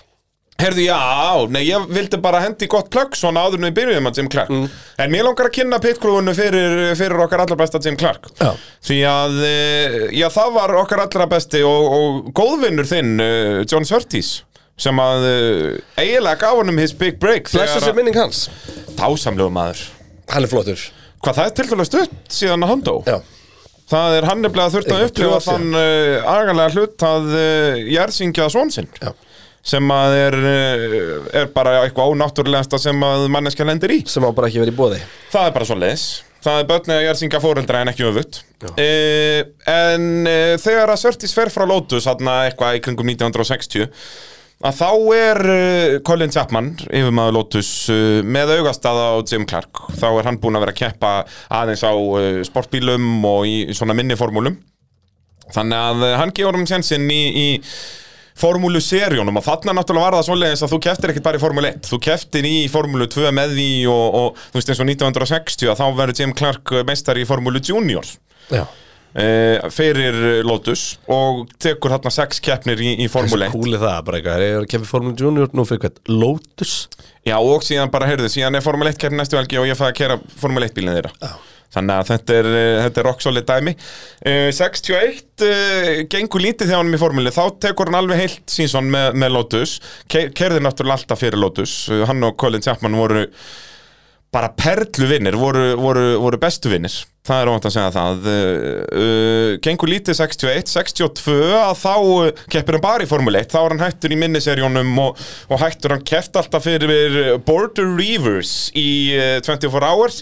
Uh, var hættur því, endaði í öðru seti í, í Le Mans þarna 61, en bara í Formule 1 62 og endar í öðru seti í heimsættaramótinu á eftir Graham Hill sem var þá kominn uh, til BRM British Racing Motorsport eða eitthvað svo leiðis, ég man ekki hvað þetta er skamstafað uh, síðan kemur 1963 British Racing Motors Já Uh, 1963 var uh, magna tímabil uh, hjá okkar allra besta Jim Clark því að, uh, já til dæmis eins og í belgíska kappakturinum, þá var uh, ausandi rigning, ja. sennilega svipað mikið rigning og var í fyrra, Já. nema þá voru Nú er ekki ömingar já þá bara kveittu þeir sér í aðeins fleiri síkarettum og upp með reglingurna svo myndu nú ekki drepast í henni Eh, Reykti Clark hmm. Reykti Clark Nei, sennilega ekki Hann var alltaf mikill sentilmaður fyrir það Þó að var hendar sentilmaðsnægt að reykja en, en nei, ég hef allan aldrei síðan með Það er síkarett ekki heldur Þannig að ég Hann held hefur undan sinni samtíkallin Já, algjörlega Og það var uh, mjög geðað mikið þoka og allt í steik Og uh, uh, hann byrjaði áttundi by- Byrjar að taka fram úr öllum uh, Og þar á meðal Graham Hill, uh, ríkjandi meistara Og uh, er síðan búinn að ringa alla á brautinni Já og brautin var ekki stutt þá sko Var Nei, þarna er, og þó ég held að er, sem- og þarna sé ekki ofurlang, og þó ég veit það ekki. þetta ekki enn 60s? Jú, þarna er þetta lengri breytin, það er rétt. Hann var búinn að ringa alla nema uh, Bruce McLaren sem var í öðru sendi. Á McLaren eða E, nei, Nei, þá sennilega ekki var hann þarna, ekki kominn 63, McLaren. nei, sennilega ekki. E, og síðan kemur upp bilun í kirkassanum hjá uh, Jim Clark. Hmm. Þannig að hann þurfti að halda honum í gýr. Þú Já veist, með hendri með hendinni Þú veist, það er náttúrulega bara gýrskiptir þarna Þannig að hann kláraði keppnuna með aðra hönd á stýri Fimm mínútum á undan undan öðru næsta. setun Já. Lasin maðurinn, sko Og eh, hann endar á að vera meistari 1963 í formúlinni Ég hef Eh. alltaf gaman að þið þegar verið að tala um Jim Clark Hmm. þegar heyrir sko svona bröndul og þú veist Eh, Jackie Stewart, Jackie náttúrulega aðallega. Stewart og Jackie svona. Stewart, náttúrulega það er svo mikið lotning það er svona, þú veist, það er einmitt ekki þetta þú veist, eins og þetta alveg senna þú veist, tala um hann sem svona mynd mystical og hann var svo góður og hann var svo aggressífur hann gerði mistök og hann alltaf bara held hann geti ekki dáið og Mhm. eitthvað svona Jim Clark er alltaf bara svona byrju, leið mér að hella smá konekjaðan og segja frá, frá Jim Clark Og þú veist, eins og talandi um Senna, Arton Senna fór í, í grunnskólan sem að Jim Clark var í, í Skotland á sínum tíma og Arton Senna gaf svona plakk þar að segja að Jim Clark er the greatest of all time, hann árið 91 eitthvað svo leiðis. Út af það náttúrulega Arton Senna elst upp þegar ha- Senna er 5 til 10 ára að þá er Jim Clark bestur. Já. Þú veist, Senna er hérna held ég 58 mótel eitthvað svo leiðis. Hvað er, hver, ertu að googla þetta? Hvernig fættist Senna? senna? Fættist Senna 62 eða eitthvað? 60 60, já. Þannig að hann er 30 ára þegar að Tim Clark vinnur fyrsta titlin sinn og 5 ára þegar hann vinnur annan. sem 8 því ára þá þegar að hann deyr. blöðin er að koma til uh, Brasilíu Brasilíu, þegar hann er 10 ára já, út að Jim Clark var náttúrulega þarna orðin superstjarna eftir, eftir 63 tímabilið og hann vinnur líka ekkert eh, lítið þú veist, ha- þegar að bílinn verið lægi þá pakkaði hann öllu þannig að eins og þarna 63 og þá vinnur hann heldur sko 7 af 10 keppnum og, og var löngu búin að tryggja sér titlun löngu á hann tímabilið var búið og færir henni 100% af þeim stegum sem að við möguleg voru þarna árið ári 63 og er náttúrulega líka að keppi alls konar öðrum mótaröðu með þessu Uh, 64 að þá er Lotusin uh, ekkert uh, spes þá uh, hérna, bilar hann mikið í formúlinni endar þriði í formúlinni en vinnur uh, British Touring Car Championshipið þá á svona Lotus Cortina það er einhver minn ab, allra uppáhalds skutubíl svona Ford Cortina sem að Lotus var búið að tjúna hann Já. hef bara Lotus Cortina Já. bara með uh, rock solid ég held að það sé einhver tvingamótor í þessu bara ekki, þú veist Þú veist að ég er sko 150 hérna, hestafli eða eitthvað. Ég er sko hérna bara myndir Mm. á hérna Google Já. bara, bara fyrstu sem koma þegar maður skrifar Jim Clark Mm. Gastu verið með meira stereotypiska picture perfect British racing driver gentleman Nákvæmlega. á sínum græna Lotus eða? var ekkert eðlilega hugulegu líka Já, þú veist, gríðarlega myndalögum maður og líka alveg hóvar og sko, maður sér svona í augunum á honum samt sko að hann er svona, hann er að spekulera á þeim öllum, þú veist, þetta er alltaf svona myndi þegar hann er þú veist, hann situr í bílnum á ráslínu að býða eða eitthvað svona og þú veist það, það er ekki stælar en hann er samt svo svalur já. já, bara ekkert eðlilega svalugægi Já. það er bara nákvæmlega svoleiðis uh, 1965 uh, sennilega magnaðasta ár sem að nokkur kappastusökumæður hefur nokkur tíma nátt ökuminn í dag uh, í formúlinni keppa fleiri keppnir en það var nokkur tíma gert áður 23 kappastar er það ekki í ár Jú, og uh, er mik er mikla rættir um það að, að þetta sé komið gott ökumenn vilja helst ekki mikið meir Viltu gíska á hversu mörgum keppnum Jim Clark keppti í ár 1965? er það að taka sportbíla Indy, uh, Formule 1, Formule 2 Já, bara hversu marga kappakstra sem sagt, á hæsta leveli, ekki bara einhver gókartkeppnum í fjölöfum sínum ég ætla ekki sko 42 63 Ha? Hann keppti í 63 keppnum Á 52 vikum, Já, á þeim tíma sem að það dó einni keppna með alltaf líka við já En málið er, og eins og Jackie Stewart talar alltaf um að það var ekki fræðilegur að Jim Clark var að fara að deyja undan bara hvernig hann kerði bílinn og þú veist, mekkarnir að Jim Clark þeir gætu alltaf vita þó að er tóku bílinn ekki sjálfur í sundur þeir gætu séð hvaða hluti af bílnum kom úr bílnum að Jim Clark og hvaða komu úr liðsfélaga semst úr bíl liðsfélaga hans undan það var bara, það sá aldrei á stöffinu hjá Jim Clark hann bara fór svo vel með græjuna vissi að þetta væri brotaterna allt og náttúrulega sérstaklega Lotusin á þessum tíma Lotusin var bílinn sem að flestir dói í út af því að Colin Chapman hann smíðaði það bara eins létta án þau vel hægt var það var kannski kilt í gegnum bodyið á honum en, en fyrir vikið var hann hraðari þannig að, að eh, Jim Clark vissi 42 keppnir já, að, að, Og sko við erum að tala um hann var mestari í Formule 1 já, já, sko, taland um þetta að, að ég var ekki komin svo langt Titlarnir sem hann vinnur 65 eða býtu, já, ég ætla að by- byrja á að tala hérna um Lotus að þá dóu flesta til í Lotus Jim Clark, uh, það var ekki sens að hann var að fara að deyja út af því hvernig hann kerði hann var, jafn, gentle í akstri og hann, bara hans svona mannerisms voru að, að hérna eh, fór ekki illa með bílinn Mögnu saga sem einn Mekkin sagði um hann að hann kemur inn í pitt eftir eitthvað test á Spáni og segir, heyrðu, það er eitthvað að vinstra megin aftan það, þetta, ég finn eitthvað, það er eitthvað að og, og Mekkarnir skoðu þetta eitthvað og bara, nei, þú veist, hvaða byll er þetta og setja hinnugumannin í, hinnugumannin finnur ekki neitt það er ekkert að þessum bíl svo bara um kvöldi þegar þeir eru að spaða bílinn þá er pingu, pingu lítið slag í hjólalegu sem þeir fundu bara þegar þeir tóku hjólaleguna úr ekki, það var ekki eins og dekkið sjálft var uh, eitthvað að, að losna en eitt svo leiðins en Jim Clark uh, fann fyrir þessu uh, 1965, eins og ég segi uh, bara magnaðasta ár sem að nokkur ökumaður hefur átt hann keppir í 60, og hvað var það, 62 eða 63 keppnir uh, eitthvað svo leiðis, 62, 62, sorry. 62 keppnir hann verður uh, bretlandsmeistari í Formúlu 2 hann verður franskur meistari í Formúlu 2 hann vinnur Tasman-seríuna í Ástralíu Já, og, sko til að taka fram eins og Tasman serien í Ástralíu þú veist, samkeppnir Bruce McLaren, Jack Brabham, Phil Hill uh, Graham Hill uh, þú veist þetta eru, þetta eru svakaleg nöfnana Jep. og minn maður Ken Smith, gamli Þi- master sem ég sagði er frá nákvæmlega okkar allra besti keftir enda bara í tveimur keppnum uh, hann hafði orðið British Touring Car meistari í, í sínum flokki á, á kortínunni ef hann hafði mætti allar keppnir, hann mætti bara í sex keppnir af átta Já, og hann vann mætti bara þrjár. þriðasendi, vann þrjár fimm, með fimm hröðustu ringi í sex keppnum samt sem að tökum við að því sjálfsögðu og síðan verður hann heimsumstari í Formule 1 með 6 sigra af eh, níu keppnum sem hann mætti, það voru 10 á tímabilinu hann slefti einni því að eh, Colin Chapman ákvaða að smíða fyrir hann eh, svona Indy 500 bíl Býtti já, hann kefti í hvað?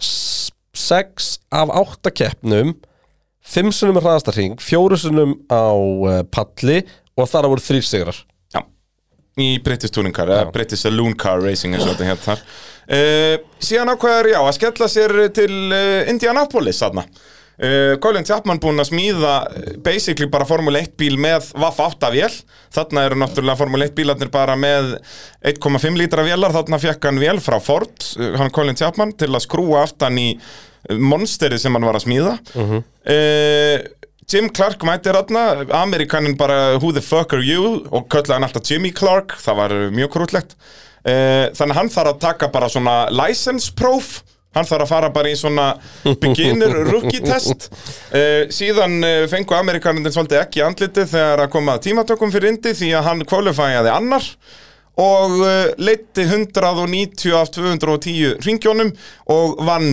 indi 500 Hefur þú séð bílinn? geggjaður Það er þetta ekki eiginlega svalasti kappaspil allir tíma Því við búin að taka Já. Formule 1 Lotus Hérna, hvað heitir hann? 32B eða ekki? 38 eitthvað svo leiðis og, Og- henda vaff átt að fótt aftan í og hann þú veist, það er ekkert plást fyrir það Þannig að flækjurnar eru allar ón á bílnum Og standa aftur Ég held fyrst þetta verið afturvængur því þess að mynda bílnum á hlið og þeir eru hvítar líka Nei, gular. flækjurnar, sko. þetta er bara Það eru gular þetta er að svalasta sem ég veit um sko. Það eru, já, það eru gular sérst, það er svo framlenging á línunni Þetta er fucking cool, sko þetta er magnað apparat og þetta er fyrsti bíl ever til að vinna Indy 500 með vélina aftur í eða vélina í miðjunni Og pakka það pakkaði Indy uh, Jim Clark var fyrsti ökumaðurinn uh, ekki, þess að bandaríski ökumaðurinn til að vinna Indianapolis uh, síðan 1915 Já. og uh, já þe- þetta 1965 síson bara gjörsamlega sturglað Ég vil taka það fram að það er myndaðum Á hérna Af liðuru á Já. Indy 500 Og þegar nú séð liðsmyndir í dag Eftir kapastur Þeir eru nýju plussklark já Uh, og þar af eru sko tveir í jakkafötum þannig, að ann- og annar þeir, annar er sem tveimur ekki Chapman, hinn er örgulega eitthvað sponsor Mhm. Já. Þannig að þetta verður, þú veist, sex manna krú Já, í, í skítagöllum eru sjö Já Það, þetta, þetta var ekkert flókið og þeir eru ekki í skítagöllum því að þeir eru gullfallegi grænur og þeir hafa ekki þurft að gera neitt Já uh, Og þarna var Jim Clark, þú veist, þetta var hans fyrsta óvalreis, svona alvöru óvalreis og það bara skipta hann engum máli, hann pakkaði þessu samt Djúvilega Chapman svalur líka maður Ekkert eðalega svalur Ég vil ennþá meina og ég held að sé Jú, minnir að ég vil lesa það einhvern tímann að sem sagt, uh, sem sagt pappi hans Tony Stark í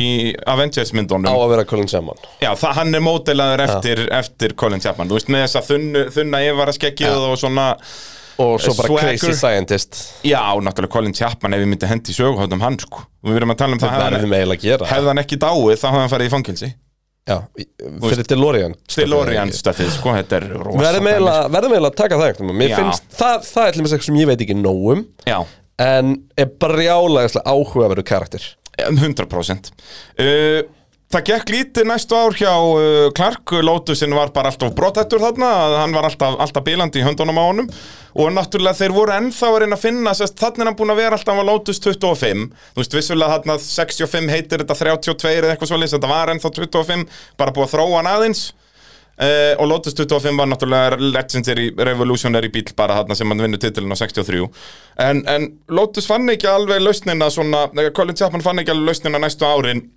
var alltaf að reyna bara svona að gera 25-una hraðar og hraðari en 67 þá kemur minn eh, uppáhaldsformule 1 bíl ever, Lotus 49 dásamlegt apparat þá er eh, það er um þetta leiti sem að stóru sennilega stærstu reglubreitingar í söguformule 1 verða að það vélarnar fara úr 1,5 lítar í 3,5 lítara og þeir máttu gera bíluna léttari þannig að hraðin varði í rauninni rúmlega tvöfalt meiri, Það eru 40 eða 30 49 Já, hann er hellaður það er styrla og þarna fattaði Colin Chapman að það þarf ekki að smíða bíl og festa vélina í bílinn heldur allar hann að fá Ford vél Ford Climax vélin sem var síðan bara besta vél í formúlinu næstu 6 árin og hann ætlar að smíða bíl utan á þessa vél þannig að í rauninni, hann vissi að blokkin þarf að vera úr stáli Blokkin þarf að vera úr stáli þannig að, og það er langt þingsti parturinn á bílnum þannig í staðin fyrir að smíða gett þungan bíl sem heldur þessari blokk Já. þá smíðar hann bara bílinn Bíl á á, blokkina. blokkina. þannig að bodyið festist bara framan á blokkina blokkin er fyrir aftan aukumannin Basically eins og þetta er í dag Já, já, bara, og það er bara pinkulítið áldarast sem aukumennu situr í Spinnurnar festust á blokkina, sérst aftar í spinnurnar Allur hjólabúnar festust bara beint á blokkina Og girkasinn þar aftan á Og svo var engin leið fyrir hann til að fela þetta Því að hann var ekki með neitt bodywork á svo Þannig að sá allir hvað hann var að gera Já, já, og bodyworkið er bara þarna fyrir framann vél að Fyrir aftan aukumann, bara kvalbakinn sem, sagt, sem aukumæðurinn situr við Að þar er ekkert body, það er bara ef, vél ef þú myndir, ef þú myndir taka mynd bara af aftasta hlutanum á honum þá Já. myndir halda að vera bara að horfa inn í geimslu Já, þú veist, því að það er bara, herri, hann er dekk og hann Ég er mótor og eitthvað elska, það svalast að við innan bíl er að vaska sinni fram í honum En það er ekkert pláss inn í bodyinu, þannig að vaskasa hósurnar, hérna, uh, rörin, þau eru bara utan á bílnum. Já. Öður bara önnur hliðin er bara með röri á, Já, sem þeir það er máluðu bara grænt. Málað, Já, já, já. og, og númerið á Já, það. og, og hérna hvítt fyrir númeri, þetta er allt og geggjað apparat, þannig að þetta er minn uppáhaldsbíl. Þú Uh, veist, Ég held að ég geti bara verið pínum sammálaðir þegar að horfa á þetta þetta er störðlega. Svo verður hann eiginlega, hann verður líka ekkert eðlilega mín þegar það er búið að búið til bjöspekki á honum og setja vangin onn á mótori Þetta er náttúrulega bæði fyrir utan það að vera ótrúlega flottur bíl að þá er þetta sögulega sennilega mikilvægasti bíl í formúlunni því að það eru tveir mikilvægastu hlutir sem gæst hafa í formúlu voru gerist fyrir Lotus 49 það er í fyrsta skipti sem það er titilsponsor á bíl Gold Leaf Já, það er fyrir 68 tímubil eða þá verður hann ekki lengur British Racing Green heldur verður uh, hvítur Rauður og og hvítur. gildur og, og rauður og svo náttúrulega er þetta fyrsti ka- Formule 1 bílinn sem var settið vangja Já, og svo er líka annað sem er svo gaman við að skoða þarna því að það er alltaf eitt búið að gerast þarna sem er að hann er komin að bæra dekk líka Já. Þú veist, hann er ekki Firestone lengur á þarna, sko. þessum ógislega mjú, mjóu, þú veist, hérna, svona cartwheels einhverjum, sko Já, bara svona reyðhjóladekkin Já, hann er bara sem eru á komin á gjörðum. bara mín dekk Þetta er bara, þetta er bara Afturdekkin er ekkit eðlilega breið Enda þannig ertu líka komið með úst, 400 hestum Já, þetta er pínu svona eins og að taka bara, þú veist, Esteban Okkon og henda höndunum að hafþrújulu á hún. Já, þetta er svoleiðis Þetta er þannig stemming og það er ekkit eðlilega cool Já. Vá, Eh. hvað hann er flott um að dítelandi, Jesus Christ. Hvar er þessi bíl? Við þurfum að fara að sjá hann. Það eru til alveg Ennþá í dag eru til fullt af þessum bílum Já, þú Ég held veist, bara sé hann til hlýtur að vera 5, ekki þar á 6, 7. sapni sem við þurfum að Já, fara í að sjá hann. bænum í Skotlandi Er hann þar? Já, allir bílarnir hans, það, það eru Jim Clark safnið Já, við erum að fara að það. Við þurfum að fara þannig og fara á barinn sem maður fór Hvaða, alltaf eftir hvaða kemur bær er þetta? Hann heitir eitthvað mjög stuttu nafni Jim ég held að Clark séu- Hometown. Bara fjögur að stafa nafni eða eitthvað svo leiðis Kilmoney. Nei, Nei, það er James Clark Jr. já, farið bara Jim Clark Museum Nei, Um þá- það er, James Clark Jr. er Jim Clark. Uh, þetta er í Jim Clark Við erum Museum. báðir að googla, mér líst ekkert á Já, þetta er sko. gott. Þetta er í Duns Það eru fjóri stafir, ég vissi að þetta verið stutt Duns. Hvar er Duns? Það er hérna í norður uh, Bretlandsegjum uh, En á þessum bíl, Lotus 49 í, uh, Þetta er nátt ítalska, Edinborg. í ítalska kappakstunum áru 1967 að þá uh, var Clark í fyrsta seti uh, nokkuð öruglega þegar hann sprengir dekk á Monsa Hann þarf að fara inn í pitt, skipta um dekkið og, og hérna fylla bensín og, og, og gera og græja og tapar við það ring á uh, fórustu söðina. Uh, kemur út úr pittnum í 16. sæti, ring á eftir. Uh, það skipta hann ekki nokkur einasta máli. Hann uh, vinnur sig hægt og rólega upp, nær basically hraðameti á brautinni í hverjum einasta ring og ég er ekkert að íkja það bara þessum ring nýtt hraðamet þessum ring nýtt hraðamet undir lokkjarnar náðan sama tíma og hann náði tímatökum Já, í keppni. í keppni Já. Rinda var aðeins öðruvísi þá. Já, en samt voru þeir þarna byrjaðir að vera með að, að þú veist, tjúna bílinn, gefa mótornum meira bensín Já, í en tímatökum. dekkin voru ekki eins Dekkin voru ekki eins, en, en þarna voru þeir byrjaðir, þú veist, þarna er náttúrulega engar túrbínur en eitt, en þarna voru þeir að gera þá, þú veist, var bara, bara- ruggla, ruggli bensínblöndu og svo leiðis í, í Það meira tímatökum. loft Þannig að- að það var magnað að að ná að jafna póltíman sinn í keppni. Uh, nær fyrsta setan aftur eftir að dottanir í 16. seti og ringa á eftir en á síðasta ring að þá byrja bílun að frétta og það er sett ekki nógu mikið bensín í hann. Þannig að hann enda þriði. En þetta er að flest öllum talið besti akstur í keppni yfir Jú. sem að Jim Clark gerði á Monza 67 það er bara svo lesa og eins og Jackie Stewart eh, Jackie Stewart náttúrulega elstóldi upp með eh, Jim Clark hjá Lotus eh, verður nummer 2 komaður hann um nokkurt skeið og horfði alltaf til Jim Clark, vildi vera eins og Jim Clark vera þessi smooth driver náði kannski ekkit endilega en, en Jackie Stewart segir alltaf að allir hans titlar eru tilengaðir Jim Clark, hann hafði aldrei náðu þessu ef það ekki hefði verið fyrir Jim Clark Einmitt. Uh, svo kemur 1968 tímabilið uh, þá eru þeir ennþá með 49 bílinn bara og, og fyrsti kappaksturinn er þarna var alltaf kappakstur um áramótin í söður Afríku Afríku, uh, þannig að fyrsta kjærn er þarna bara í byrjun í janúar og hann vinnur hana Uh, á, á þessum nýja fína bíl nær næstum því Grand Slam það er náttúrulega Jim Clark á metið fyrir flest Grand Slam sem er sem sagt uh, ráspól, hraðasti ringur, sigur og verið í fyrsta að senda alla ringina Hann var bara svona gæði sem þegar hann mætti þá bara pakkaði hann ef að bílum verið leiði Já. og hann náði þessu sko Michael Schumacher á 5 svona Grand Slam uh, Arton Senna á 4 Jim Clark 8 Já, mitt Hvað Hamiltonburg?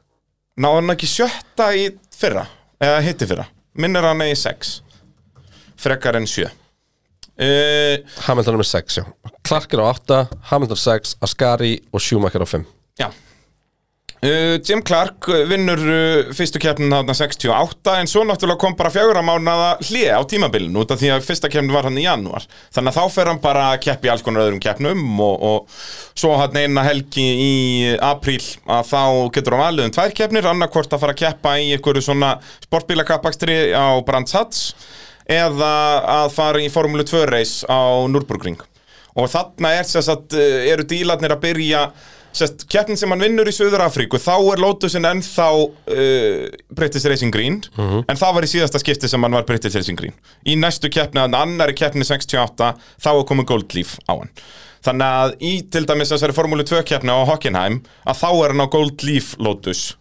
sem sagt Formúlu 2 bíl e, það var rigning og viðbjór og ískalt þarna, þetta er bara í apríl í- á Hockenheim 7. april 7. apríl og vissulega alveg mikið af stórum nöfnum að keppa, þeir voru hérna Tyrrell mættu með sína bestu tvo frönsku ökumenn og eitthvað, og en Jim Clark leist ekkert á þetta, hann var ekkert að fara að vinna neitt aðna, segir við mekkana sínu morgunin bara, út að þeir voru aldrei að ná hit í dekkin, það var alveg sama hvað þeir gerði, þá kom aldrei hit í þessi helviti stekk Þannig að, að hann segir við mekkan sinn á, á leiðin út á grittið uh, Þú veist ekki búast við mikla mér Bara verðt á pitbordinu, segðu mér bara í hvaða sæti ég er Segðu mér hvað sem er ekki ringir eru eftir en, en ekki búast við neinu Og þetta voru hans loka orð Því að á, uh, ég held að það hafi verið 50 ringur, fjórði 50 ringur Fjórða.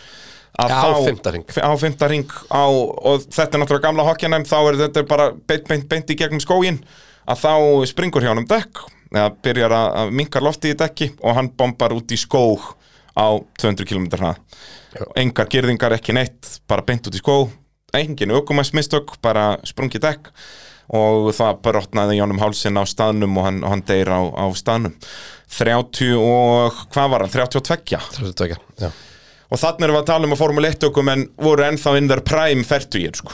Já. Þú veist, Graham Hill keppir til, þú veist, ég held að hans Jónu 44 eða eitthvað þegar hann hættir. Þannig að, að á sínum stuttaferli, hann vinnur sko held ég 30% af keppnunum sem hann tók þátt í eða eitthvað, Jim Clark. Algjörlega magnaður og var þarna bestu ökumæður í heimi.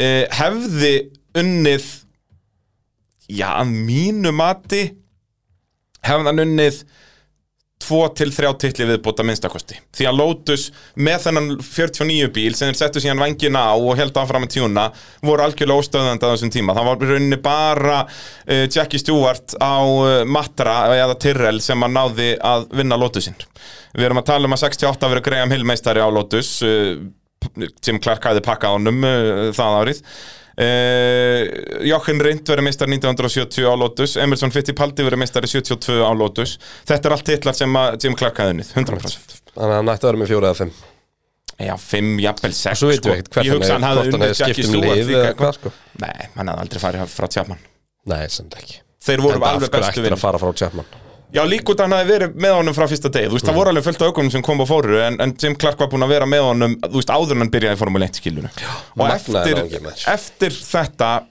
Dauða Jim Clark 68 að Þá breyttist Colin Chapman helling Þá bara lofaði hann sjálfum sér Að verða aldrei vinur aukumans aftur Já. Þannig að hann var alltaf gett distant Frá aukumunum Svona eins og- eins og Enzo eins og eins og Ferrari, hann vildi basically ekki hann þurfti auðvitað að þekkja þá, hann talaði við þá 24-7, en vildi ekki verða vinnu þeirra Hann var ekki að fara á púbin sko Já.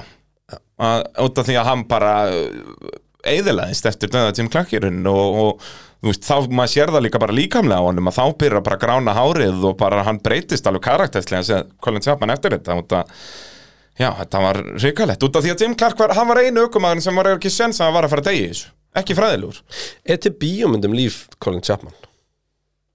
ábygglega, jú, bara heimildamindir Þú en veist, ekki, er- ekki Þetta hljómar leikjumyndir eins og ætti að vera leikjumind til sko. Já, 100% Þú veist, Það er bara- sturdlega karakter Akkurat En ég mæli með fyrir fólk uh, Richard Hammond geður þið mjög cool einslag um Jim Clark í Grand Tour Já, það var geðveikt þá fer hann yfir þetta bara og það er bara uh, 20 mínútur eða eitthvað mælum að fara yfir það út að eins og segja þetta er stur og eins og þetta er Indy 500 sem er 65 við erum að tala um að hann fara að byrja að fara að taka rúki driving test líku við þarna bara eitthvað og svo bara vinnur hann Jim, eh, hérna, Top Gear slash Grand Tour teimið um, Þegar þeir hafa tekið fyrir mótsport já, í svona örsögum já þá hefur það verið skemmtilegustu frásagnar bara af mótsporti þegar að Clarkson tók senna til dæmis í Top Gear þegar þeir Sturla. tóku Lotus, nei þeir tóku hérna Lansíu í rallinu já Þú veist, það er indislegt Lansi ámöndi átti, Ford v Ferrari, Já, Le Mans Þú veist, þetta er allt Allt geggjað stöf sko. það er bara, eh, enda er production value þar eh, helviti Svolítið hátt. mikið svolítið hátt, það er ótt að segja það þannig að nú hlustendur góðir vitið af hverju Jim Clark er minn upp á alls Formule 1 okkur maður allar tíma, Stórkostlegur heldur betur Ég hefði svolítið gaman að þessu sögurni því að þú dast ekki alveg í sögubrallin þú dast í Nei, ég, skri, ég skjallbrallin skrifaði ekki eitt orð ég vildi ekki hafa þetta svoleiðis, ég vildi hafa þetta spjall sko. þannig að, að eh, en síðan náttúrulega söguhóðnin er annað þá dætti ég í- í- Braga Þórðarson. Braga Þórðarsson sko, en þarna var ég bara að útskýra Já. my idol Þetta var ekki sögu hot, þetta var sögu stund Já, þannig að nú hlustandi góðu farið heim, byrjið á að googla mynd af Lotus 49 og setið hann í, í sem svona screensaver á símanum ykkar eða hvað þetta heitir, svona desktop dæmi uh, Lotus 49 bílinn og uh, farið að kynna ykkur Jim Clark og allir að fara til Döns bara bing bara búmi, þeim að fá kvata til að photoshopa pit livery á Lotus 49 Oh Þá held ég að það, ég þarf að gera eitthvað rúmlega en þá að springur, skiptum þá springur æð Já, það er, þú veist, ég þarf ofta að skipta um nærbuxur, ég þarf myndið þurfa að skipta um gallabuxur eftir það, sko. það er bara svoleiðis Já, þetta var Þetta var magnað, ég, ég, þú veist, þú, ég, þú, þú er frætt með mest um Jim Clark inn tíðina og ég er búin að heyra náttúrulega ímislega það sem búin að segja mér hann en þetta er samt, sko, þú veist, að horfa á þetta í hild ég vil hefur þetta verið, einmitt, magnað náungi, sko. Já, hann kefti bara í svo fá ár, sko. Það var mest í skellur. Hann er þarna, þú veist, í, þú veist, hann byrjar í toppslagnum 62, cirka. Já. En hann er þarna bara, hvað er þetta, 7 ár? Já. Vinnur fyrstu keppna 68 og uh, nær ekki að mæti keppni 2. Já. Sindur sko. Það er bara málið. Hérna, það var eitt svona, svona spin-off áður með lokum sem langaði þess að ræða sem var hérna, þú talar um þetta, maður er að kera fyrir Lotus-lið, Junior-lið það er svo formuleitt þannig eftir Svo núna eru að horfa á tíma þar sem að það eru engin tækifæri fyrir ungu ökumenn að komast í formuleitt nema bara vera ógislega hefnir, vera réttum maður rétt, þú veist, ok, þú ert ógislega góður það er ekki nóg lengur. Óskar Piastri er ekki komin inn, hann er búin að vinna allt um, Á engum tíma, skilur. Já. Það er ekki eins og hann sé að vera Formule 2 meistari 26 ára, sko. Já, og svo kikkar sér reglin með að hann má þá ekki bara taka annars í svona í Formule 2 Mhm. þú veist, og er bara on the sidelines bókstallega núna Men, þú veist, hann er ekki eins og bara að keira í FP1 sko. Hérna Nei. Það er núna fyrst alltaf einhverjir, hvaða lið alltaf, var það ekki William sem alltaf Í Barcelona. Nikti Vrí keira í, í Barcelona já, við minnið það. Við munum sem fá er samt einhvern- líka áhugavert því að þú veist, menn þeir svo fyndi hvað þetta gerist oft einmitt á þessum brautum þar sem að það er actually verið að testa Já. þú veist, eins og til dæmis ég vil sjá Mercedes mæta með hérna, bara tvo einn bíla bíl, já, bara tvo mismöndu bíla Já. þú veist, þetta hlýtur að vera þetta er bara, þetta er bara sætbótin hlýtur að Já, þetta, þetta verður helvið, eins og ég segi, 15. snarturinn á petrum.is verður þjættur já Það er svo leiðis vonandi, vonandi verður búin að fá okkur upplýsingar um hvað er að gerast Já, við verðum En- náttúrulega ekki komið með staðfestar uppfæstur En við þurfum að fara yfir hvaða lið þurfa að gera Já, Og svo náttúrulega bara yfir föstudags, helgina föstudags æfingarnar á hérna á, uh, Á Viaplay. verða líka bara þú veist, það er að vera mikið spjall Já, einmitt um svona, það verður fyrir nördana sko. Þetta verður ekki mjög entertaining svona fyrir casual aðdáðandan Nei. En þetta verður, það verður djúpa pælingar þarna sko. og líka á löðast morgunin þegar við erum búin að melta það sem við sáum á föstudeginum og heyra frá liðunum og komið svona sjá hvað sérfræðinni sem eru þú veist að njústna um tæknimálni að segja og annars líkt, þú veist að geta sagt þú veist, Já, þetta FP3, já, það væri rock solid á löguteginum að að horfa á FP3 Já. Og, og það, þá munum við fara svolítið yfir þetta já, og vonandi svo verður bara tímatúr. ekki þú veist grenda rigning í æfingum eða eitthvað, það var alveg Já, típist við, þur, við þurftum að fá svolít æfingar sko. hérna En þú veist, hvað, hvað er hægt að gera? Ég sá einhverja hugmynd einhvers staðar um daginn þar sem hann var að stinga upp á að sko fæk eða, sem sagt, að allir aukumenn þurft að sitja hjá eina keppna á ári eða eitthvað mm. Þú veist, og þá það, kæmi er samt, það gengur Ég er ekki, sko. nefnilega sammála, þú veist, viltu, þú veist, Ég- ég vilt, vil viltu frekar- tvær keppnir yfir árið þar sem að Leclerc eða Verstapin eru ekki núna eða Hamilton eða Verstapin í fyrra sko. Ég vil frekar bara fara í draft system eins og bara í NBA og allu þessu það er bara það, það er bara eitt draft pick, það er bara formúlu 2 mestarinn Það virkar ekki Það er ekki hægt veist, Ég get bara drepið þá hugmynd strax það þyrfti einhvern veginn að reyna að græja það sko. Nei, liðin er að borga ég veist það, strákunum um upp Þannig að þú veist hvað Og Alpín bara hafa alveg upp í astri Og svo bara na, Sorry kallið minn Hann bara draftaði frá okkur Þeir bleiða hérna Já. 200 miljonum í hann það er nefnilega máli út að eins og í bandaríkjunum að þá er þetta ekki sömu lið í neðri deildum og efri Nei, deildum það er þetta college sko Eh, Þannig að það virkar ekki Nei. En spurningin hann er sko Þú veist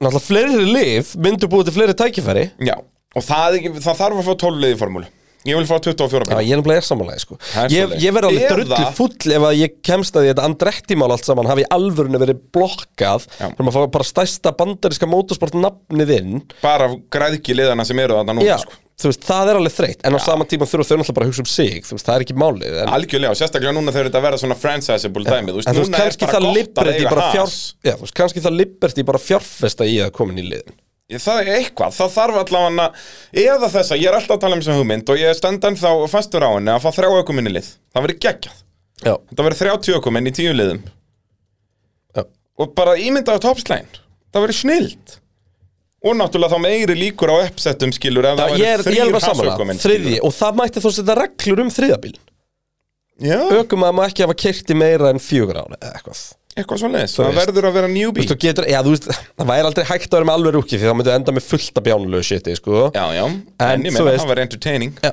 Paldi að bara einhver Formule 2 meistari myndi bara fara beint upp í Ferrari Já, skilur. og þá geti eitthvað svona lið, ef við ímyndum okkur svona Chapman, nei, hérna svona Clark-stæl lið Við erum með, þú veist, einn svona Hamilton sem er komin á þann stað einn svona verstafnilega Clark sem er komin á þann stað Mhm. og svo einn svona Piastri og svo þegar það er komin tími á að Hamilton hætti þá er verstafin allt í einu orðin Hamiltonin Já. Pia, Piastri orðin verstafinin og það er komin einhver annar orðin milli, þú veist, það er bara að tala um hver þeir eru í ferlinum sko. Akkúrat, akkúrat. Þú veist, það myndi alveg svona make a sense í þannig settupi Já, þá væri líka að það hafa reglur og kannski í staðin fyrir að hafa einhver reglur að þyrta að vera einhver newbie en það væri bara þannig að þú ert með þrjá bíla en þú eru að ákveða fyrir helgina hvaða tveir skora stig fyrir þig það skora ekki allir þrýr stig Æ, ég veit ekki, ég vil svo verið frekar að setja eitthvað kostkap á hérna, á þriðja sendið á þreðarsæti sko. Já. Eitthvað svona, bara hafa þrjá ökumenn í, þú veist út að það, það við sjáum alltaf að það er mikill munur á liðunum Já. þannig að hlýtur að vera betra að hafa bara fleiri ökumenn á eins bílum En ef að þriðjögumarinn væri mitt, þú veist, það má bara kosta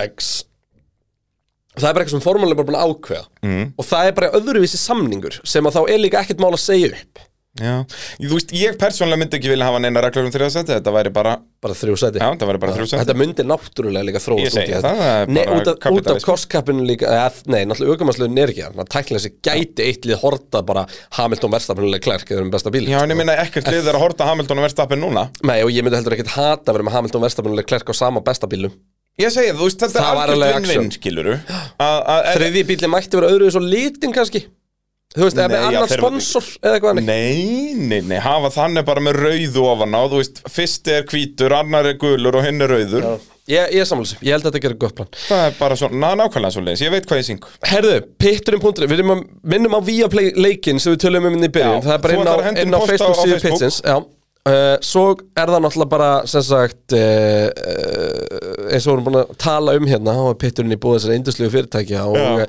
ef þú þarft að láta tjekka á einhverju uh, tengdu bókaldi eða, Já, eða netmálum eða símaþjónustu, símkerfum svona- já. Já, ef þú ert með eitthvað svona small business eða stóran business Já. Heyri bóðileið Og ég meina, við slum bara, við slum bara ekkert fara neitt leint með það En, en bóðlið actually höfðu samband Þegar þeir vissu að það var vandamál með að senda frá íslensku mótsportökunum Nákvæmlega. Hvað getum við gert til að hjálpa? Ég segi það, Og þetta, þetta, er, það eru svona fyrirtæki sem við verslum við Þetta er ekki flókið það er koma fyrra bragði sko. Já. Það er bara þetta Bara hvað getum við gert til að hjálpa? Ég þú veist? nákvæmlega Og hérna, þannig að það er bara Það, það, er, það er fólki sem að, við höfum þar að geima Og það er fólk, við þurfum að hlúa að þessu sem sko. mótsporta Heldur betur um, Pittunum.is, það Já. kemur uppbytna þáttu fyrir Barcelona eins og Bræði er búin að tala um, þá verður hann feitur Ég held það. Ehm, Já, það er, ég er með Og þú ímislegt veist, svona sem ég á eftir að Við getum ræða líka að sko. fara að rýna þá í út að við vorum náttúrulega með prísi sem testa sko.